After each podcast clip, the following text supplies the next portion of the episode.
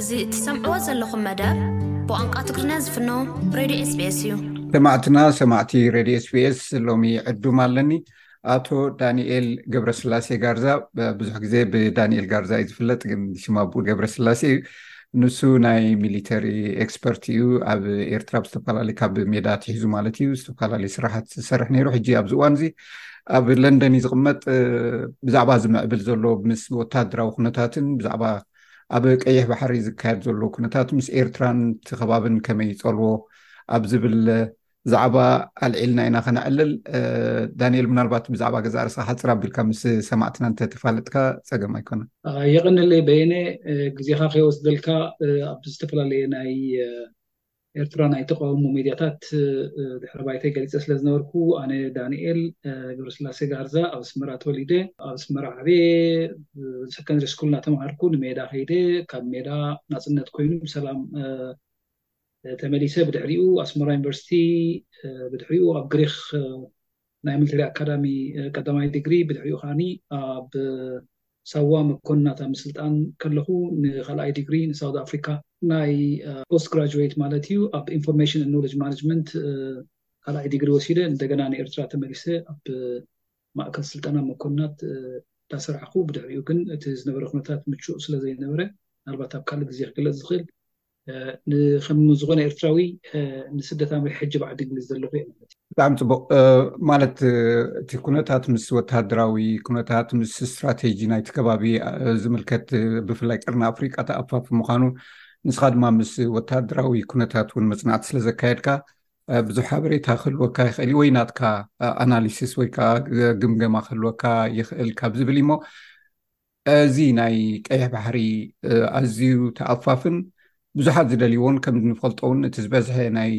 ዓለም ንግዲ ውን ብመራኽብ እቲ ኸባቢ ዝሓልፍ ምስ ምዃኑ ኣብ ርእሲኡ ድማ ብዙሓት ናይ ብዙሓት ድሌታት ወይ ከዓ ኢንተረስትስ ዝንፀባርቐሉ ናይ ማእከላይ ምብራቕ ከምኡ ውን ኣብቲ ገማግም ባሕሪ ዘለዎ ሃገራት ናይ ኣዕራብ ናይ እስራኤል ምስኡ ተተሓሒዙ ዝኸይድ እዩ እሞ ብፍላይ ኤርትራ ኣብዚ ኩነታት ምድኳና ከመይ ኢካ ትሪኦ ከም ፀጋ ድዩ ከም መርገም ወይ ከርስ ዝብልዎ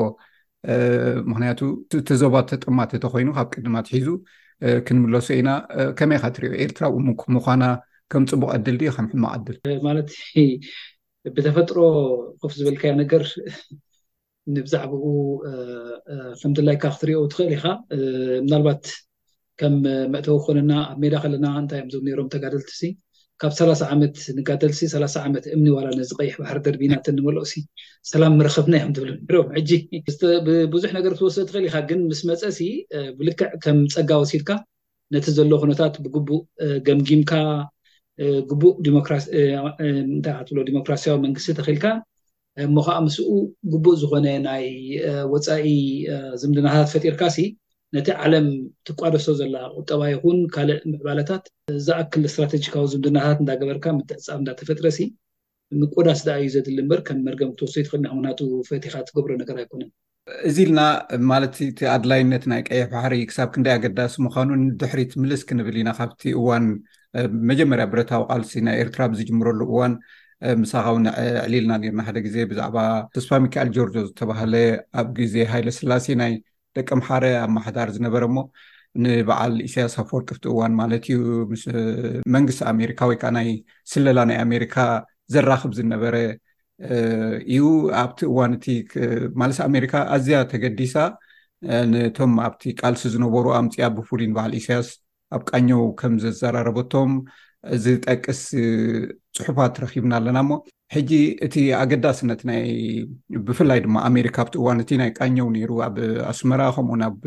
ጉራዕ እውን ስቴሽን ነይርዎ ስለዚ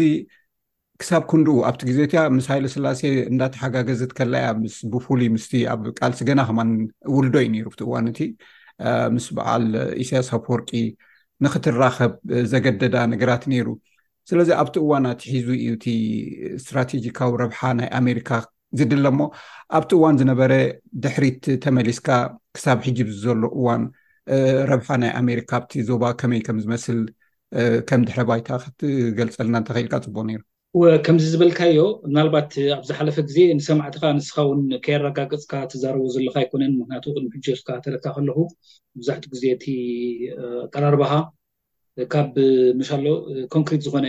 ሓሳባት ክመፅእ ከሎ ጥራይ ኢኻ ከም ሞክስ ጌርካ ትዛረብ እሞ ዝበሃል ፀንሐ ዋላ እቲ ስርዓት ንባዕሉ እውን ኣብ ዘቐረባ ግዜ ብመገዲ እቲ ሕጂ ዘሎ ኣፈኛ ናቶ ኢሳያስ ነስመራ ኣትዩ ምስ ኣሜሪካ ተራኺቡ ግን ከዓ ሓደ ሓደ ንኤርትራ ዝጠቅም ነገራት ገይሩ ከም ዝወፀ ስለ ዘመስከሮ ምናልባት ሰማዕትና ከይደናገሩ ኣወልሲ ኣወል ስዒድ ዝብልዎ ገጣማይ ድዩ ዋላ ስነ ጥበበኛ ዝነበረ ሕጂ ግን ፕሮፓጋንዲስት ናይቲ ሃገር ኮይኑ ዘሎ ንሱ ኣብ ሓደ ካብተን ኣቕሪብዎን ዘሎ ኢሳያስ ኣትዩ ግን ከዓ ሃገራውነቱ ዋላ መትከሉ ክስታይ ከይገበረ ኢሉ ግን ታርክብሲ ኮንፈርም ገይርዋ እዩ ስለዚ ዝንዛረበሉ ዘለና ስቕልካ ናይ ምጥቃን ዘይኮነስ እቲ ስርዓት እውን ንባዕሉ ጠቂ ነዚ ነገር እዚ ጭቡጥ ገይርዎይ ስለዚ ከም መወከሲ ክንዛረበሉ ንኽእል ኢና ካልእ ከምቲ ዝበልካዮ ኣብቲ ቀሪቡ ዘሎ ዶክመንት እቲ ሽዑ ዝተገብረ ምንትስ ካብቲ ኣኼባ ዝወፀ እውን ኣብ ኢድና ስለ ዘሎ ኩልና ስለ ዝረኣናዮ እቲ ኩነታት ልክዕ እንታይ እዩ ዘርእየካ ምናልባት ኣንበብቲ ነቲ ኩነታት ምስ ረኸብዎ ባዕላቶም ብዝርዝር ነቲ ዝነበረ ዕላል ክርእይዎ ይኽእሉ እዮም እቲ ድሌት እንታይ እዩ ኣሜሪካ ኣብቲ ሰዓትቲ ኣብ ሽሕን ትሽዓተ ሚእትን ሰብዓን ሰብዓታት ናይ ሃይለስላሴ ምውዳቕ ዝነበረሉ ግዜ ኦሬዲ ኣብቲ ከባቢ ዘገድሶም ዝነበረ ነገር ናይ ቀይሕ ባሕሪ ጸጥታ ሞር ኢምፖርታንት ስለዝነበረ እንድሕር ደኣ ሃይለስላሴ ኣብቲ ከባቢ ዘየሎ እሞ ኬዎስ ተፈጢሩ ምናልባት ዝፍጠር ዘሎ ሓይልታት እንታይ እዩ ዘዋጽኣና ኢሎም ንቕድሚት ክሓስቡ ይግደዱ ስለዝነበሩ ናይ ግድን ኣብቲ ከባቢ ዝምዕብል ዝነበረ ሓይልታት ብፍላይ ብፍላይ ከኣ ናይ ክርስትያን ዝመስል ምንቅስቓስ ብፍላይ እታ ሰልፊ ናፅነት ትበሃል ናይ በዓል ኢሳያስ ዝነበረት ካብ ዓላ ብገለ መገድታት ገይሮም ብመገዲ ኣብተ ስላሴ ኣብ ጉራዕ ብኡ ቢሎም ከዓ ንቃኞ ስቴሽን ተራኺቦም እንታይ እዩ ኣብቲ ዝርዝር ናይቲ ፅሑፍ ዘሎ ማለት እዩ እዞም ሓይልታት እዚኣቶም ድሌቶም እንታይ ምዃኑ እቶም ኣሜሪካ ሲ ኣብቲ ከባቢ ሰኣኤ ዝነበሩ እሳቶም ቀይሕ ባሕሪ ውሕስነት ክረኽበሉ ዝኽእሉ መገዲ ሽዕኡን ዝነበሩ ምንቅስቃሳት ናይ ፍልስጤም ኣስማቶም ሕጂ ክዝክሮም ዘይክእል ንሳቶም ዝፈጥሩ ጸሊም መስከረም ወይ ብላክ ሰፕተምበር ዝበሃሉ እዮም ብላክ ሰፕተምበር ዝበሃሉ ንሳቶም ዝፈጥሮ ዝነበሩ ፖስት ዝገብርዎ ዝነበሩ ናይ ሴኪሪቲ እሹስ ንዕኡ ውሕስነት ክኾኖም ዝደልዩ ዝነበሩ ሕጂ እንታይ እዩ ዘርእየካ እዚ ካብ ሽዑ ትሒዞም ኣሜሪካውያን ናይ እስራኤል ውሕስነት ኣብቲ ከባብን ናይ ቀይሕ ባሕሪ መስመር ከዓኒ ናይ ኮመርሻል ይኹን ዋላ ናይ ናቫል ሽፕ ናይ ዩኤስ ኣብቲ ከባቢ ዝግበር ምንቅስቃሳት ንዐን ውሕስነት ዝህብ ስራሓት እዮም ዝሰርሑ ነይሮም። ሕጂ እንታይ እዩ ኣብቲ ግሎባል ታሽሙ ክንሪኦ እንተኮይና ኣሜሪካ ብሪጅንስ ነቲ ከባቢ ብሙሉእ ዓለም ብዞባታት ከፊላ እያ ብወታደራዊ ትካላት ትሕዞ። ኣብቲ እዋን እቲ ነቲ ከባቢ እንኮላይ ንኣፍሪቃ ኣብ ግምት ኣእትዩ እቲ ኮምባይንድ ሰንትራል ኮም ዝበሃል እዩ ድመርሖ ነይሩ ነቲ ከባቢ ማለት እዩ። ከምዚ ሕጂ ኣብ ክልተ ሽሕ ዳሕራይ ክኣ ኣብ ክልተ ሽሕን ሸሞንተን ክኣ ኦፕሬሽናል እንተኾነ ክኣ ኣገዳስነት ናይዚ ከባቢ ኣፍሪቃ እንዳተፈልጠ ምስ ተኸደ ክኣ ካልእ ሓድሽ ኣፍሪኮም ዝብሃል ኣብ ስቱትጋርት ዝመደበሩ ብዝተፈላለዩ በብእዋኑ ዝመጹ ጀነራላት ዝምራሕ ብቀጥታ ክኣ ምስ ናይ ዲፈንስ ሚኒስተር ዝመሓደር ስለዚ እቲ ከምዚ ዓይነት ምክፋል ገይሮም እዮም ነዚ ከባቢ ዝቆጻጸርዎ እቲ ሓሙሽተ ሽዱሽተ ዝኸውን ናይ ኣሜሪካ ብምሉእ ዓለም ተቆፃፂሮሞ ዘለዉ ንፈልጦ ረጅናት ኣብዚ ምጥቃስ ኣየድልዮ ንኸውን ግን ዓለም ብከምኡ እዮም ንሳቶም ዝቆፃፀርዋ ናይ ዩሮፕ ኮማንድ ኣሎ ናይ ሳውዘርን ፓሲፊክ ስኻትኩም ዘለኹም ከባቢ ኣሎ ናይ ዩሮፕ ዝበልና ኣለና ናይ ሰሜን ኣሎ ናይ ርሑቅ ምብራቅ ኣሎ ብፍላይ ብፍላይ ግን ነዚ ኣብዚ ከባቢና ዝምልከት መጀመርያ ብሰንትራል ኮም ኣብ ዶሃ ዝነበረ ዳሓራይ ግን ንኣፍሪኮም መቒሎም ሕጂ ብፍላይ ግን ኣብዛ ንሪኣ ዘለና ከባቢ ይኹን ዋላ ኣብቲ ሽዑ ዝነበረሉ እዋን ነዚ ኩነታት ዝከታተል ዘሎ ናይ ኣሜሪካ ሓይሊ እቲ ሰንትራል ኮማንድ ዝበሃል ዓብዪ ቁፅሪ ዓብዪ ባጀት ዓብዪ ፍሊት ናይ ነፈርትን ናይ ባሕርን ዘለዎ እዩ ነዚ ከባቢ ዝቆፃፀር ስለዚ እንታይ ኢና ንርኢ ካብቲ መጀመርያ ኣትሒዝና እውን ኣሜሪካውያን ኩሉ ግዜ ነዚ መስመር እዚ ብጥራይ ነቲ ቁጠባ ዘይኮነ ዋላ ነቲ ኣብቲ ከባቢ ዝግበር ምንቅስቓሳት ናታቶም ውሕስነት ዝህቦም እዮም ዝደልዩ ነይሮም ኣየገድሶምን እቲ ካልእ ማለት እዩ ኢትዮጵያ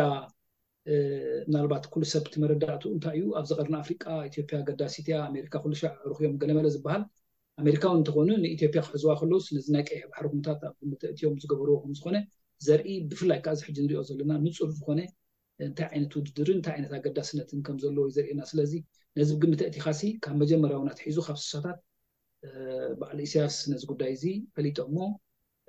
እዚ ኮምፐቲቲቭ ኤጅ እውን ኣልዎም ዝመፀ ነገር ክትብሎ ትኽእል ማለት እዩ። ሕራይ ኣብቲ እዋን እቲ ገና ኤርትራ ነፃነት ኣይረኸበትን ገና እውን እግረ ተኽሊብ ዝነበረሉ እዋን እዮም ተገዲሶም ንበዓል ኣብቲ ዝነበሩ መራሕቲ በዓል ኢሳያስ ኣፈወርቂ ዝሃድንዎም ነይሮም ማለት ዝደልዎም ዝነበሩ ኣብዚ እዋን እዚ ከዓኒ ክንሪኦ ከለና ኤርትራ ነፃ ወፅያ ስለዚ ኤርትራ ረብሓ ናይ ኣሜሪካ ክትሕልወላ ትኽእል ዝብል ግምት ክህልዎም ይኽእል እዩ ምክንያቱ ንሳ ኣብ ትሕቲ ቁፅፅራ ስለ ዘሎ ማለት እዩ ካብ ኢትዮጵያ ስለዚ ኣብዚ እዋን እዚ ክትሪኦ ከለካ ስትራቴጂ ናይ ኣሜሪካ እቲ ደጋዊ ገዲፍና ምስ ኤርትራ ምቕራብ ዝያዳ ተሕይሎ ዶ ይመስለካ ብፍላይ ድማ ምስዚ ኣብዚ ኩነታት ዝኸይድ ዘሎ ኣብ ግምት ኣእቲኻ ማለት እዩ ካብቲ ምስ ኢትዮጵያ ምስ ኤርትራ ከርብሓ ይኽእል ዶ ማለት ንረብሓኣ ክትብል ነቲ ከባቢ ንምቁፅፃር ማለት እየ ከመይ ትግምግሞ ነዚ ምልስ ኢልና ኣብ 218 219 ዝነበረ ኩነታት ናይ ኣብይን ናይ ኢሳያስን ርክብ የስኢሉ ብሃንደበት ዝመፀ ነገር ዘይኮነስ ካብዚ ንብሎ ዘለና ኩነታት ብፍላይ ብፍላይ ምስ ናይ ቻይናን ራሻን ብሓደ ወገን በቲ ወገን ከዓ ናይ ኣሜሪካ ኣብዚ ከባቢ ዝነበረ ናይ ምውድዳር መንፈሳት ንዕኡ ኣብ ግምት እትዩ እቲ ዝተወስደ ስትራተጂ ኩነታት እውን ንባዕሉ ዋላ እቲ ኒው ግሎባል ናይ ሱፐር ፓወር ኮምፒቲሽን በሎ እቲ ጂኦ ስትራቴጂክ ጂኦ ኢኮኖሚ ዝበሃል ናይዚ ከባቢ ጉዳያት ናይ ግድን እሳቶም ነዚ ጉዳይ እዚ ብልክዕ ክርእይዎ እንተደኣ ኮይኖም ኣብዚ ከባቢ ዘለዋ ሓይልታት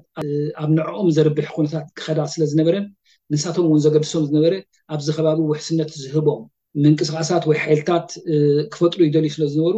ነዚ ኩነታት ምስ ናይ ሚድል ኢስት ጉዳይ እውን ምስግጋርን ምትእሳርን ከም ዘለዎ ገይሮም ሕጂ እቲ ጸጥታዊ ኩነታት ኣብ መንጎ ሚድል ኢስትን ኣብ መንጎ ኢስት ኣፍሪካን እውን ከም ሓደ ናይ ኦፕሬሽናል ኤርያ ወይ ናይ ሓደ ናይ መስርሕ ናይ ስርሒት ከባቢ እውን ገይሮም ስለዝረኣይዎ ብመገዲ ዘን ናይ ሚድል ኢስት ዘለዋ ሃገራት ብፍላይ ከዓ ናይ ኢማራት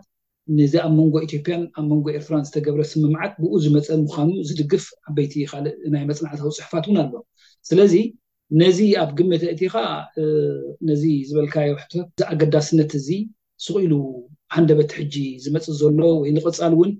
ዝኸይድ ኣይኮነን። ምናልባት ኣብ መጨረሽታ ክንሪኦ ንኽእል እቲ ዝተገብረ ርክባት ይኹን እቲ ዝግበር ኣብዚ ከባቢ ዘሎ ተገዳስነት እንዳዓበየ እምበር እንዳነኣሰ ክኸይድ ከም ዘይኮነ ብፍላይ ብፍላይ ግን ነቲ ዝነበረ ኣጋጣሚታት ኣብ ግምት ኣእቲኻ ክትሪኦ ከለኻ ኣሜሪካ ክሳብ ክንደይ ነዚ ኣብዚ ዝግበር ዘሎ ብፍላይ ዌስት ክንብል ከለና መብዛሕትኡ ግዜ ንኣሜሪካ ኢና ንገልጽ እተን ካልኦት ሓይልታት እውን እንተኾና ምስኦም ኮይነን ኣብዚ ዘሎ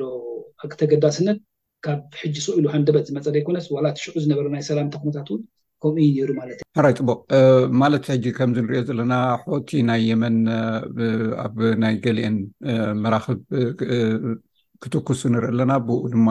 ግብረ መልሲ ተዋሂብዎ ኣብ የመን ከቢድ መጥቃዕትታት ተፈፂሙ እጂ እንታይ ከተኣሳስሮ ደልየ ዘለኹ ከም ዝፍለጥ ኣብዚ ቅርቡ ዓመታት መንግስቲ ኤርትራ ምስ ራሻ ጥቡቕ ዝምድና ዩ ክገብር ፈቲኑ ማለት እዩ ድሕሪዚ ናይ ዩክሬን ብፍላይ ማለት እዩ ኣብዚ እዋን እዚ ድማ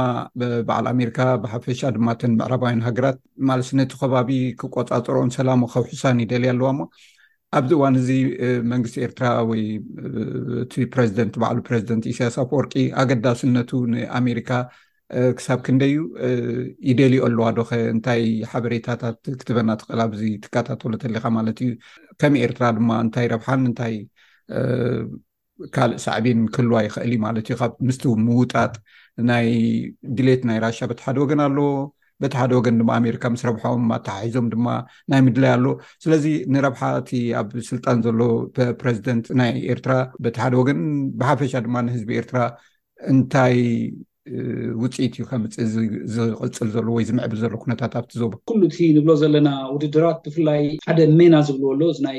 ሚድል ኢስት ኤንድ ኖርዘርን ኣፍሪካ ሃገራት ኣብ መንጎ ቻይናን ኣብ መንጎ እዘን ኣብ ሰሜንን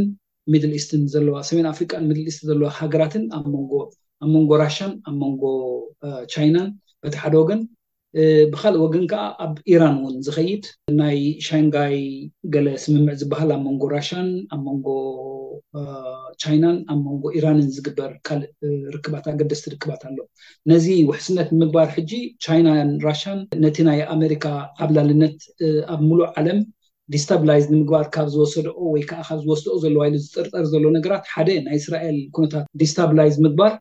ካልኣይ ነገር ናይ ዩክረይን ጉዳይ እውን ኣብዚ ንኢስት ገጹ ክዝርጋሕ ዝደሊ ዘሎ ናይ ነቶ ሓይሊ ነዚኤን ኣብ ግምት እእቲኻ ናይ ዩክረይን ጉዳይ እውን ኣሎ እዚ ወጢጥዎ እንከሎ ንሱ እውን ናቱ ለቨረጅ ንምርካብ ዝገበሮ ምንቅስቓሳት ዝመስል ሓደ ሓደ ምንቅስቓስ ከም ዝገበረ ርኢና ከምዚ ኢሉ ከሎ ግን ሓደ ክነስተብለሉ ዘለና ብቀዋምነት ክንሪኦ እውን ዘለና ካብቲ ድሕሪት መሊስካ ዓንቶ ኣምጺኻያ ዝነበርካ እንተ ርኢኻዮ ብሂስትሪ ክትሪኦ ከለኻስ እዚ ስርዓት እዚ ኣብ ኤርትራ ዘሎ ነዚ ዝሓለፈ ሰላሳ ይኹን ቅድሚኡ ሰላሳ ዓመታት ዝነበረ ናይ ዌስት ተጻብኦ ነይርዎ እዩ ብመሰረቱ ናይ እስራኤል ተጻብኦ ነይርዎ እዩ ብመሰረቱ ክትብሎስ ዘጸግም ነገራት ኣሎ ምክንያቱ ዘይድለ ነይሩ ተዝኸውን ወይ ከዓ ነቲ ሳቶም ዝደልይዎ ዘለዉ ወይ ዝርእዎ ዘለዉ ናይ ጸጥታ ትረት ትረት ነይሩ እንተዝኸውን ነዚ ናይ ቀይሕ ባሕሪ ምተንከፍዎ እዮም ዝብል እምነት የብለይን ስለዚ ንኩሉ ግምት እቲኻ ዋላ ደኣ ሓደ ሓደ ኣተንሽን ይኹን ወይ ነቲ ለቨሬጅ ንምጥቃም ኢሉ ዝገብሮ ምንቅስቓሳት ተሎ እቲ መሰረታዊ ስትራተጂክ ኣላያንስ ወይ ከዓኒ ኢምፖርታንስ ናይ ዝኾነ ሓይሊ ኣብዚ ከባቢ ዘሎ ክሳብ ነቲ ናይ ዌስተርን ሓይሊ ብፀጥታ ኣብዚ ከባቢ ንምንቅስቓሱ ይኹን ዋላ ንኻልእ ናይ ቁጠባዊ ኩነታት ዘይተንከፈ ኣይ ቲንክ ካብቲ መስመር ወፂኡ እዩ ክትብሎ ኣይትኽእልን ኢኻ። ካልእ ተፃብኦ እውን ክመፅኦ ይኽእል እዩ። ምናልባት ግን ንግዝያዊ ዝኸውን ናይ ስልታዊ ምንቅስቓሳት ክገብር ክረኣ ይኽእል እዩ። ንዚ ግን ዝኣመንካዮ ስርዓት ብላዕሊ እንተድኣ ኣሎ ኣይ ቲንክ እቲ ዝግበር ምንቅስቓሳት ከም ሓደ ነግሊጀንት ናይ ፀወታ ናይ ፖለቲካ ወይ ናይ ካልእ ለቨሬጅ ክንወስዶ ንኽእል ኢና ይበሃል። ክብራት ሰማዕትና እዚ ክትከታተልዎ ዝፅናሕኩም ምስ ኣቶ ዳንኤል ተስፋ ሚካኤል ጋርዛ ዝተገብረ ብዛዕባ ኣብ ቀይሕ ባሕሪ ዘሎ ስትራቴጂካዊ ረብሓታት ዓለምን ኤርትራን ዝምልከት ዝገብርናዮ ዕላል ዩ ነይሩ ቀዳማይ ክፋሉ ኢኹም ሰሚዕኩም ካልኣይ ክፋሉ ኣብ ዝመፅእ መደብና ክቐርብ እዩስስስስስ